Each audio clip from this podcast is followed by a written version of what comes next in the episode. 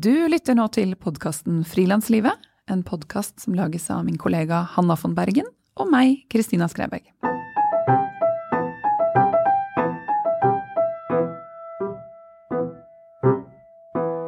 I dag har vi besøk av Hali Ashraf, som jobber som frilans virtuell assistent. Men hva pokker er en virtuell assistent? Det skal vi finne ut av i dag. Hali er ikke en robot, eh, som man kanskje ser for seg når man hører ordet virtuell assistent. Men nei da, hun er et ekte menneske. Hali påtar seg administrasjonsoppgaver for andre frilansere og små bedrifter, men sitter på et eget kontor, sånn som de fleste av oss andre frilansere gjør. Kontakten med kundene foregår gjerne over nettet eller telefon, altså virtuelt. Hun er på en måte en digital, personlig assistent. Hali er 35 år. Hun startet virksomheten sin for snart to år siden, og stortrives med å gjøre de administrative oppgavene mange av oss skyr aller mest. Og det her er jeg selv veldig nysgjerrig på, fordi jeg noen ganger kjenner på at jeg nesten vokser meg for stor for meg selv, men jeg er ikke helt stor nok til at jeg kan ansette en assistent på fast basis. Og derfor har jeg invitert Hali til en prat. Hei. Hei. Du er her, du. Jeg er her. Sitter her sammen med meg, og det er kjempehyggelig å ha deg her. Takk for at jeg fikk komme, Kristina. Du, vi går rett på sak. Hva gjør en virtuell assistent? Hva består din arbeidshverdag av? Ja, det er et godt spørsmål. Det er mange som lurer på. Jeg jobber med de typiske kontoradministrative oppgavene. Det kan være det meste du egentlig ville ha gitt til din sekretær eller assistent på et kontor.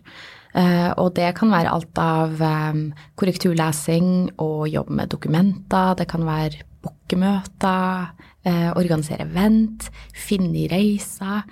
Lista er veldig lang. wow. Uh, og dette sitter du og gjør fra et eget kontor? Hvor, hvor, sitter du og jobber? For det meste så jobber jeg faktisk fra hjemmekontor. Um, og planen er at jeg har lyst til å få meg kontor litt mer sentralt uh, i Oslo da, uh, senere. Men uh, for øyeblikket så er det bare meg i Eva Norway, og da passer det veldig godt å jobbe hjemmefra. og da sitter jeg der og har Ja, jeg lurer på om jeg har telt at jeg har opptil faktisk tolv kunder nå. Faste kunder som jeg jobber for, og som har liksom en variabelt behov. Hvordan klarer du på en måte å holde styr på alle disse Altså, du må jo være en mester på tidsstyring? Når du har så mange forskjellige kunder som du skal gjøre administrative oppgaver for, eller? Jeg er nok ikke en mester, men jeg er veldig god på det. Eh, jeg er veldig flink på å organisere meg selv og tida mi. Jeg er veldig strukturert i måten jeg jobber på, og det må du nesten være. Eh, I hvert fall når du, som du sier, når du sjonglerer mange forskjellige kunder. Eh, så jeg bruker online-verktøy, apper, og jeg har en veldig sånn organisert eh, tankegang. Sånn at eh, jeg planlegger dagene mine veldig godt, og da kommer jeg gjennom det meste av arbeidet som jeg må gjøre den dagen. Jeg har jo snakket litt med deg før og har forstått at du er utdannet som juridisk kontormedarbeider. Og har jobbet innen kontor og administrasjon siden 2010. Hva fikk deg til å starte for deg selv? Ja, um, vet du, jeg, egentlig så er jeg faktisk utdanna sykepleier også, fra Australia. Så jeg har en helt annen bakgrunn uh, med meg. Uh, men i 2010 så uh, Det var en del ting som skjedde privat, faktisk, som gjorde at jeg tenkte, vet du hva, nå må jeg nå må jeg endre uh, gangveien fremover nå. pivot, ikke sant. Og det gjorde jeg på et personlig plan. Så da fant jeg ut at jeg har nødt til å finne ut uh, hva jeg har lyst til å gjøre når jeg blir voksen, rett og slett. Uh, og da tok jeg den juridiske kontormedarbeiderutdannelsen, eller før så het det advokatsekretær, da. Og jeg tror det er det beste jeg har gjort for meg selv.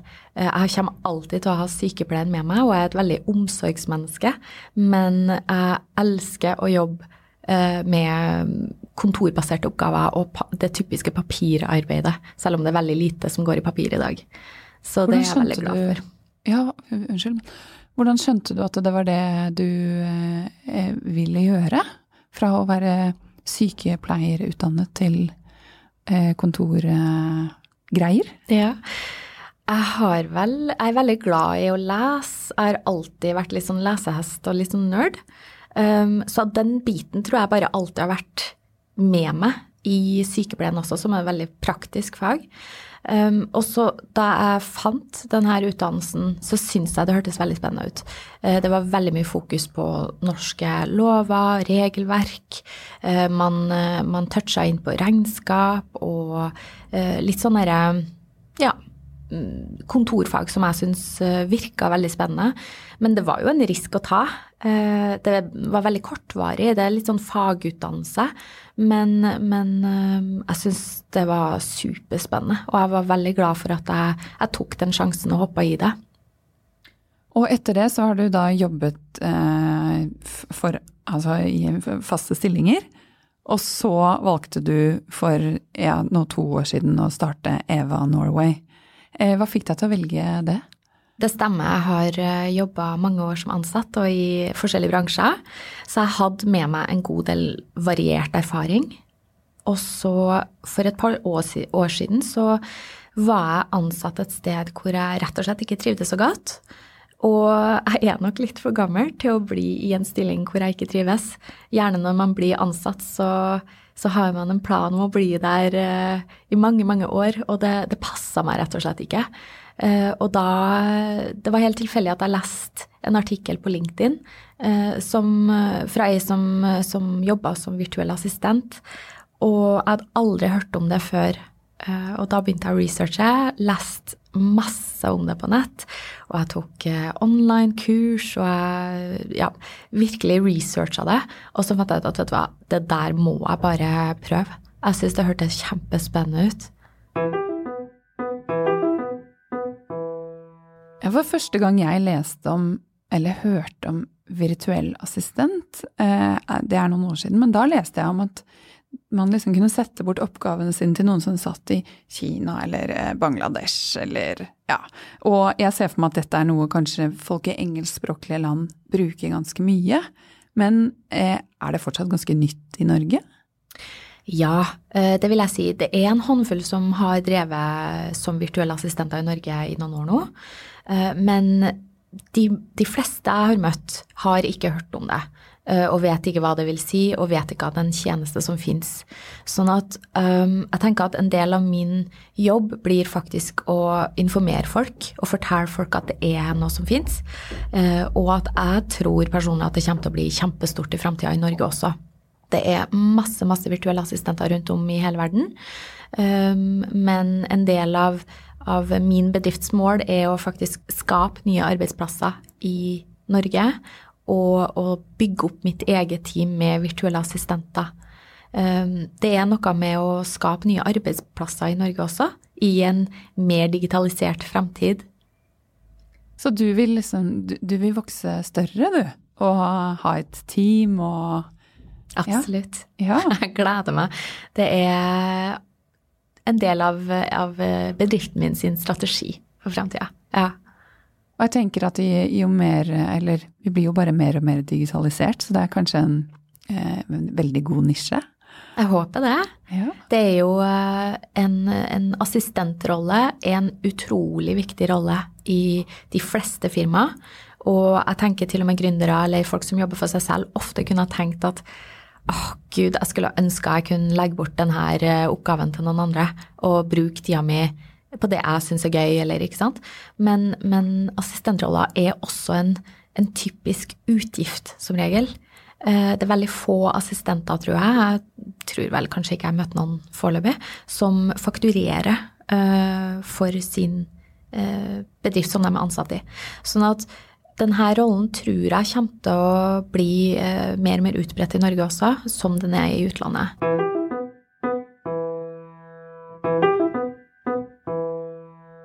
Helt konkret, hva, hva hjelper du folk med?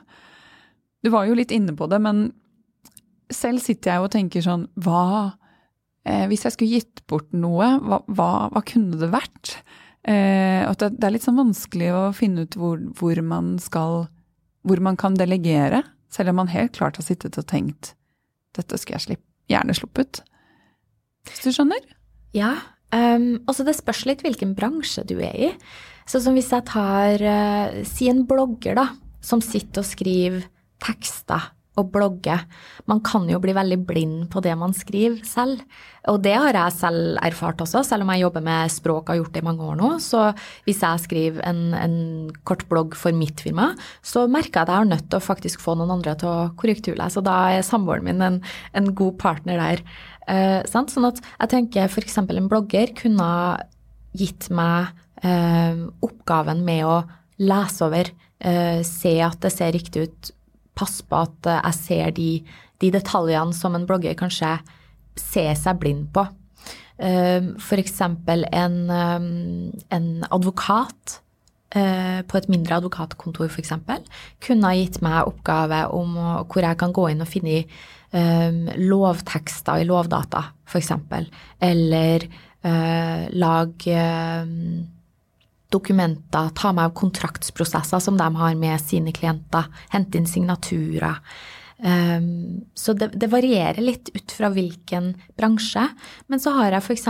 kunder da, som, som, er veldig, veldig travel i hverdagen sin, som jobber i litt forskjellige bransjer, faktisk, og hvor jeg går inn og passer på at uh, jeg booker inn møter der de har fri tid i sin kalender. Jeg passer på å svare kundene deres på, på, mailer som jeg kan svare på, på vegne av min kunde, eh, som en personlig assistent. Så det er veldig varierende hva, hva folk har behov for. Eh, og så lenge jeg kan få en tilgang til systemet eller få en e-post, eh, min egen e-post på vegne av min kunde f.eks., så er det en enkel sak å få løst det å delegere oppgaver.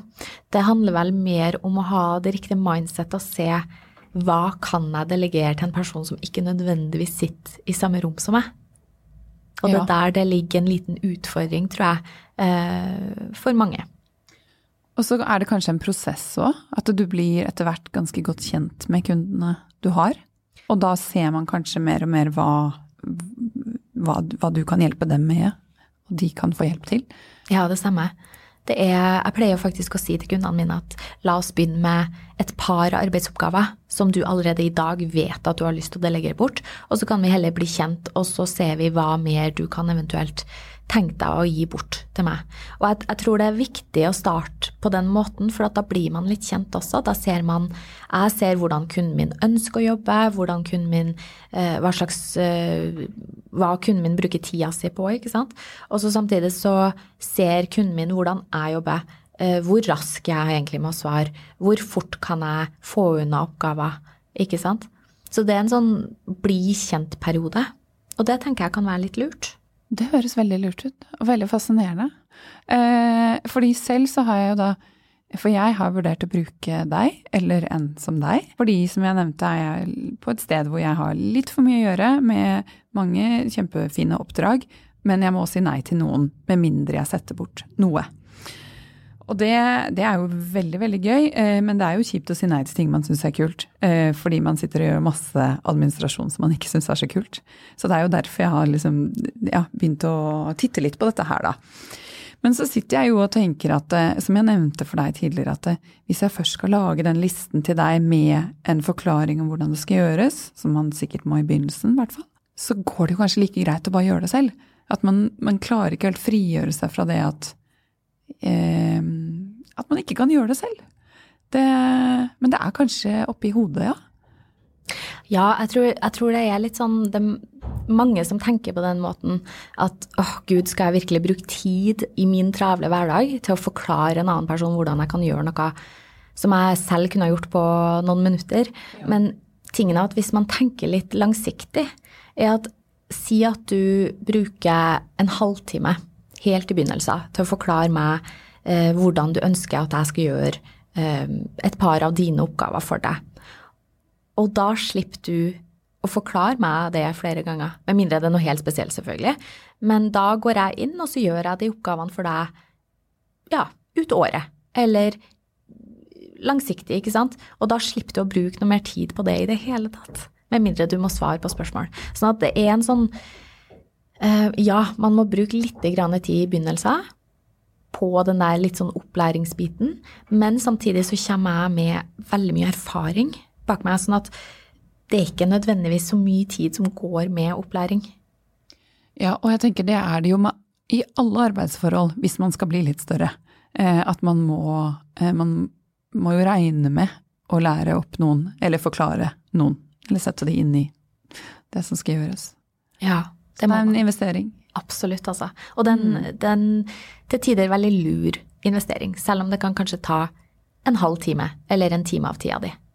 Hva syns du selv er måte, gøy og spennende med din jobb og din frilanstilværelse? Ja, det er litt sånn det der med å faktisk være min egen sjef, da. Eh, styre arbeidsdagen min, eh, legge opp en plan, ikke sant. Og ikke minst så er jeg Altså, man blir jo liksom CEO også. Jeg må tenke på eh, bærekraft, jeg må tenke på verdiskapning, jeg må tenke på strategi. Hvor skal jeg være? Hvor skal firmaet mitt være om fem år og ti år? ikke sant? Sånn at man må, man må løfte blikket innimellom og se på de tingene òg. Det syns jeg er veldig morsomt og veldig utfordrende, for det er veldig nytt for meg. Eh, men det å ha så mye frihet under ansvar, det syns jeg bare er helt fantastisk. En typisk dag for meg, da står jeg opp sånn på morgenen en gang. Eh, og så titter jeg over arbeidsoppgavene som jeg har den dagen. Eh, ofte så kan det ha kommet mailer på kveldstid fra kundene mine hvor de trenger hjelp med det ene eller andre. Og da, da, strukturerer jeg dagen min. Sånn at jeg legger opp eh, Jeg har noen kunder som jeg jobber for fast hver dag, så da tar jeg ofte Da går jeg over de oppgavene først. Og så tar jeg det andre litt sånn som det, det kommer. Um, og så tar jeg meg lunsj de dagene jeg husker det. og, så, og, så, bruker jeg ganske mye tid på firmaet mitt også, sånn at jeg, jeg prøver å ta kurs innimellom og oppdatere meg på hva som skjer innenfor digitalisering og arbeidslivet. Det er ting jeg brenner for. Jeg syns det er kjempespennende. Um, og så pleier jeg å avslutte, som, som regel sånn i tre-fire-fem-tida. Dette nye frilanslivet, som du Altså de siste to årene for deg, hva har det liksom tilført eh, livet ditt? Jeg tror det har tilført innmari mye til livet mitt. Eh, for det første så syns jeg det var som en helt ny verden som åpna seg. Eh, en verden som jeg ikke hadde innsikt i det hele tatt som ansatt. Gründerverden i, i Norge og i Oslo er jo bare så innmari spennende, og det er så mye gøy folk driver med. Eh, så det var veldig morsomt å få et innblikk. Og man blir veldig inspirert og motivert selv òg til å skape noen ting av verdi. Um, og i tillegg så Noe som har vært ekstra spennende, er at eh, jeg har lært veldig mye av veldig sterke og smarte damer rundt meg. Eh, det å se at de der litt sånn tradisjonelle rollene sakte, men sikkert er på vei bort eh, fra denne, denne, bransjen. Det er kjempekult. Eh, og i tillegg så, så, har jeg så vidt begynt å prøve meg som en kvinnelig investor. Og det er bare superspennende. Så kult. Hvordan har du navigert deg frem til det? Eller hvordan eh, Ja. Jeg har valgt ut eh, litt mindre prosjekter som jeg har gått inn i. Jeg har faktisk vært veldig heldig. Jeg har en mentor som er en eh, superdyktig dame innenfor gründermiljøet. Og hun er også en kvinnelig investor. Sånn at jeg har lært veldig mye av hun. Jeg, har gått og hørt på at hun har holdt foredrag. Og det å bare på en måte se at det er faktisk veldig viktig. Det er viktig for oss damer å passe på det økonomiske, at vi har ting på plass. Eh, det er viktig at vi planlegger for framtida på, på sånn måte som mange menn gjør. Menn er veldig flinke til å tenke på pensjon og fremtid og eh, økonomi. ikke sant? De er flinke til å investere. Det er ofte eh, aller flest menn som investerer, og så er det ofte sånn at menn investerer i menn. Sånn at jeg tenker at det at eh, damer er og har blitt så oppmerksom på det, det er en veldig viktig bit, og jeg har absolutt lyst til å bli med på den, den biten, og så prøve å kanskje også etter hvert inspirere andre til å investere. Du inspirerer meg. Håper ja. det. Takk. Men denne mentoren din, hvordan, hvordan, kom du i kontakt med henne? Og hvordan ble hun din mentor? Ja, hun, er, hun heter Anniken Fjellberg. Og hun, hun var på skiconference på Folketeatret og snakka på scenen. Og da hun klarte å nå meg langt ut i salen der med den eh, fantastiske utstrålinga hun har. Eh, så jeg var litt freidig. Jeg tok kontakt med hun etter eh, den konferansen og spurte om hun hadde tid til å ta en kaffe med meg. Eh, og det var sånn det hele starta. Så vi, vi snakka sammen, og hun, hun, har gitt meg masse råd på hvordan jeg burde tenke, og hvordan jeg burde gå frem, og hva som er viktig, og hva som kanskje ikke er fullt så viktig å fokusere på i begynnelsen av oppstarten av min, min bedrift. Så hun har vært en viktig spiller i min ja, oppstart. Var det sånn at du gikk bort til henne etter foredraget, eller sendte du en mail i etterkant, eller? Jeg gikk faktisk bort til henne etter foredraget. Det er jo så bra! ja. Ja. Det, det var... tenker jeg at alle som ser noen de vil snakke med, må gå og snakke med dem. Ja, altså jeg tenker jo at det verste som kan skje, at vedkommende sier vet du hva, jeg har rett og slett ikke tid. Og det er helt fair, fordi um, i hvert fall sånne, sånne, mennesker som er veldig um, profilert, um, og ikke nødvendigvis bare Anniken Fjellberg heller, men andre som er veldig mye i media, og som har veldig mye de driver med, de er jo de har eh, ikke alltid nok tid til å ta eh, alle møter med alle mennesker, selv om de kanskje skulle ha ønska de kunne. Eh, døgnet har jo bare så og så mange timer. Så jeg tenker at man må i hvert fall spørre hvis det er noen man spesielt har lyst til å få noen minutter med, og ta den risken at vet du hva, det kan hende at du får nei, men det betyr ikke at du skal gi opp. Gå heller inn på nettet og så researcher du. Les det vedkommende har gjort i sin karriere eller sitt liv, og se om du kan plukke ut noe inspirasjon derfra. Det er ikke nødvendigvis alltid sånn at man trenger å sette seg ned og ta en kaffe med noen heller, men bare å melde seg på foredrag og eventer som finnes rundt om i Oslo eller i landet generelt. Det er jo masse, masse gratis man kan melde seg på. Og det har jeg veldig bevisst gjort, da. Jeg tenker at det er en sånn veldig viktig del av det å drive for seg selv. At man ikke bare er opptatt av å få jobber, og, men også å videreutvikle seg selv og eh, bedriften sin. Da. Ja, definitivt. Og, og vite liksom hvor, hvor, vil jeg hen? Hva, hva vil jeg være? Hva syns du er det mest utfordrende med å være frilanser? Eller det å drive for seg selv? Det mest utfordrende for meg har vel vært å på en måte finne ut Finne en balanse. Eh, og se ok, hvor mye tid skal jeg bruke på å utvikle bedriften samtidig som jeg faktisk jobber for så mange forskjellige kunder. Sånn at det å Selv om jeg er god på å strukturere hverdagen min, så er det innimellom litt vanskelig, merker jeg. For at jeg vil så masse og helst på en gang. Jeg er litt sånn utålmodig. Eh, så det har vel vært litt utfordrende å finne den der gode balansen, spesielt i begynnelsen. Men nå så føler jeg at jeg har kommet dit at jeg vet sånn cirka hvordan jeg skal gjøre det for å rekke begge deler. Og som frilanser så har du jo gjerne mange hatter.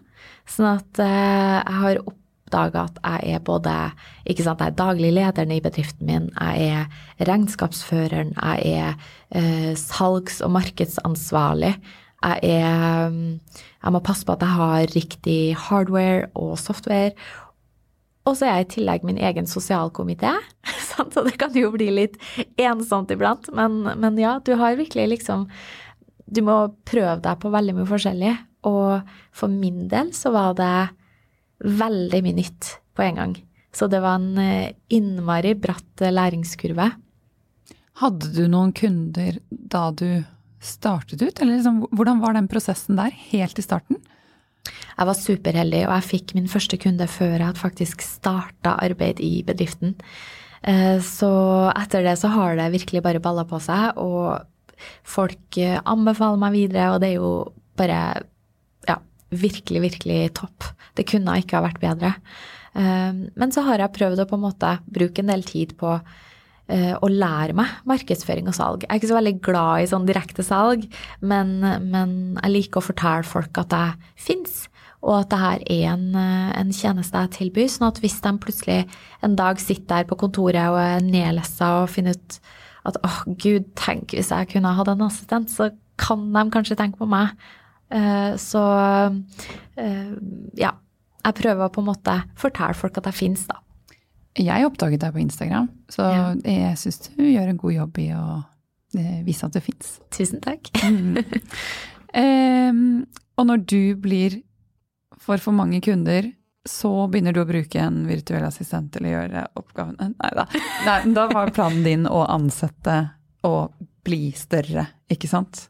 Ja, jeg har veldig lyst til å eh, på sikt få ansatt eh, et team, sånn at vi da eh, har forhåpentligvis kontor i Oslo sentrum, eller hvor det nå skal være. Og så sitter vi da sammen og får et, eh, et lite kontorfellesskap. Eh, for det er jo Byrå, rett og slett? Et byrå Ja. eller noe sånt, ja. Mm. Jeg har, jeg har ja, prøver å få rammene litt på plass, men, men detaljene de kommer litt etter hvert, tenker jeg. Men jeg tenker at da kan vi Da kan en virtuell assistent være, være spesialisert på f.eks. å, eh, å ja, bygge opp nettsida nettsider for en kunde. En annen kan være kanskje autorisert regnskapsfører, sånn at man har eh, virtuelle assistenter som kan tilby eh, fakturering og bokføring og sånt for kunder, og så at man liksom har litt variable eh, bakgrunner, sånn at man dekker opp eh, ganske mye av det en kunde kunne ha tenkt seg og ønska seg da, i en virtuell assistent. Tusen takk som kom. Hei. Vi vil gjerne takke Kulturetaten og Fritt Ord for støtte til å lage denne podkasten. Tusen takk.